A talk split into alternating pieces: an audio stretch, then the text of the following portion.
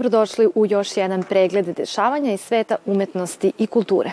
Deo ekipe Arterije nalazi se na Mokroj gori, odakle vam ekskluzivno prenosimo atmosferu sa otvaranja 17. Međunarodnog filmskog i muzičkog festivala Kustendorf. Osim toga, za vas smo pripremili i sledeće priče. Književnik Vladimir Pištalo o kreativnosti i multikulturalnosti. 150 godina od rođenja Nadežde Petrović obeleženo u Nišu. Izložba Ružičnjak otvorena u savremenoj galeriji u Subotici.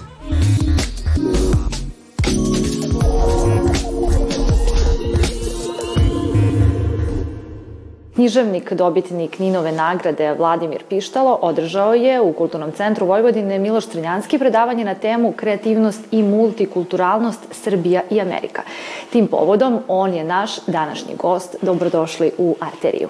Poštovanje. Vaša predavanja svaki put sagledavaju ovu temu iz novog ugla. Na čemu je akcenat ovog puta? Zadnja tri predavanja su imala više fokus na Ameriku. I danas u stvari imamo jedan jako veliki, jedan istorijski period. Od američke revolucije pa recimo do kraja 19. veka.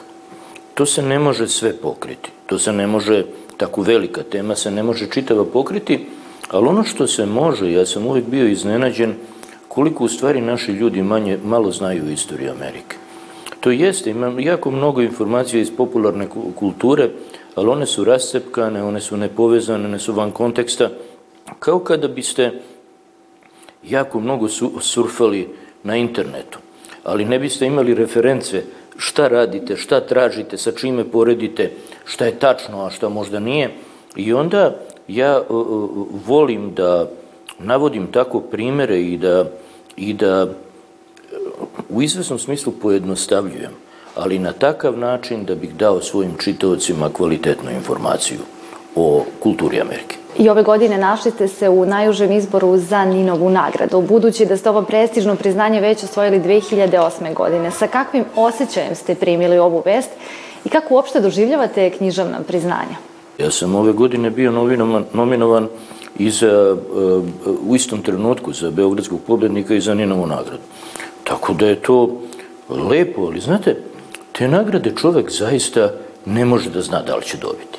A ako priča da zna, ne zna. Mislim, prosto nije, nije tako. Tako da mi je ta priča unapred uvek izgledala malo ovaj, ne, ne, neosnovana. Kao što je dobro da čovek dobije nagradu, tako i dobro da knjiga bude ozbiljan kandidat za nagradu i to već podiše pažnju i o toj knjizi počinje da se priča, ljudi je čitaju, ima je više u izlozima. To su prednosti te situacije. Nagrade su jedna lepa stvar. Nagrade su kao pokloni ili komplimenti. To dobro vaspitan čovek može jedino da se nakloni, da se zahvali, da primi i da ponese kući. Ja ne mislim da treba oko nagrada nešto komplikovati, izjavljivati. E, jednostavno, nagrada je uvek, nagrada je tu da baci kao neki reflektor svetlo na delo. Ponekad je e, kvalitetna knjiga potrebna nagradi. Jer ako nagrada nekoliko puta uzastopce ne izabere kvalitetne knjige, ne može računati na to da će prestiž nagrade automatski nastaviti da se, da se produkuje. U knjizi Pesma o tri sveta takođe govorite o Americi, Africi i Evropi i to različitim istorijskim razdobljima. Šta je to što vas lično najviše intrigira kada su različite kulture u pitanju i da li ste tokom pisanja i istraživanja primetili na koji način se one prožimaju i podudaraju? Što se Amerike tiče, ona ne postoji ni u Bibliji, ni kod Aristotela. A e, izvori znanja u to vreme, dva izvora autoriteta, su bili Biblija i Aristotel. Ne postoji ni Amerika, ni Indijanci. I sad su došli ti španci u početku i rekli mi smo sreli on, on, one koji ne bi trebali da postoje, a to su Indijanci. I onda su bile velike rasprave o tome da li su ti ljudi ljudi ili su nešto drugo. Ja mislim da u ovoj priči ima nešto strašno uzbudljivo, jer kada su ti ljudi sa različitih kontinenta videli tu svoju braću koja izgledaju drugačije, to je izgledalo kao da su videli biće sa Venere. Jedan ogroman osjećaj uzbuđenja, neverice i, i učenja koje je moralo da dođe hteo, hteo ne hteo.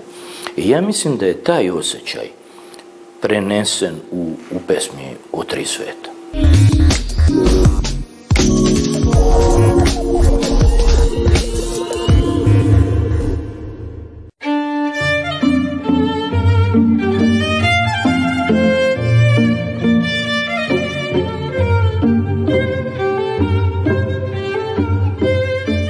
Idilična slika stiže nam sa Mećavnika na Mokroj gori. Večeras je otvoren Međunarodni filmski i muzički festival koji već 17 godina okuplja najznačajnije autore kako sa domaće, tako i sa svetske umetničke scene.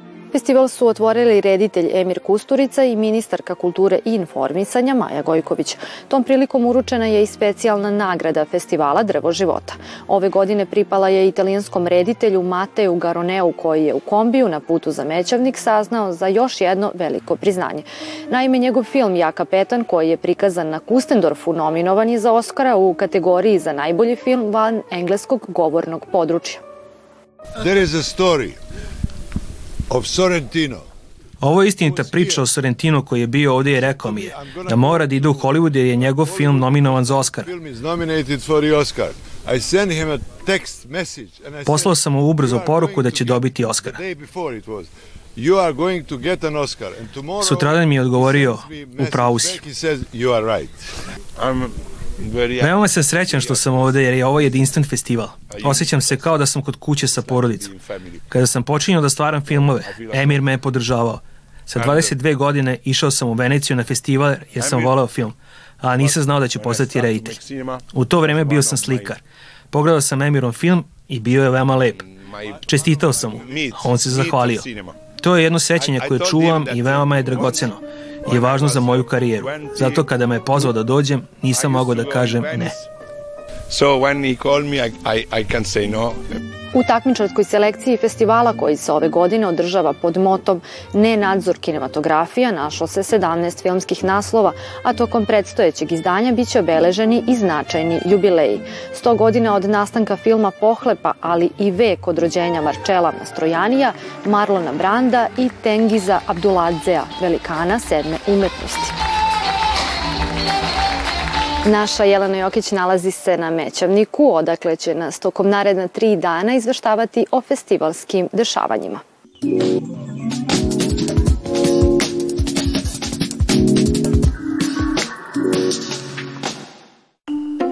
Izložba pod nazivom Nadežda bez boje otvorena je u Galeriji savremene likovne umetnosti u Nišu.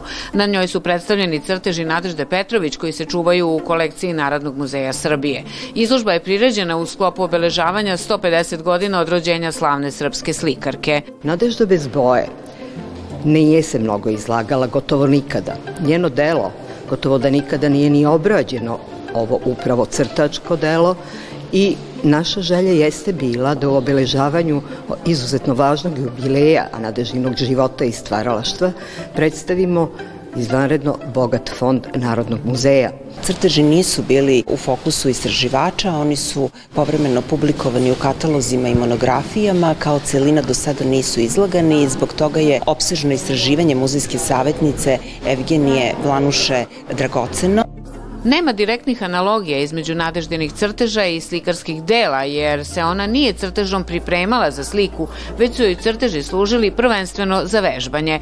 Predstavljeni su aktovi iz njene minhenske faze, ali i njeni fluidni crteži, nežne grafičke izmaglice u kojima slikarka lakom rukom i tankim linijama crta onako kako bojama slika. To je jedna potpuna sloboda i takvi crteži nam u stvari govore da je u nadeždinoj moći bilo da napravi vredniji grafički opus. Samo da je nju to zanimalo. Ona je na neki način smatrala da crtež kao medij, iako je mogo da pruži mnogo toga, smatrala da on na neki način možda ograničava njen kreativni čin. Nadeždini crteži nisu edukativni, narativni, istraživački, već izražajni i imaju podlogu koja je čisto estetska. Izložba u Nišu trajaće do 23. februara.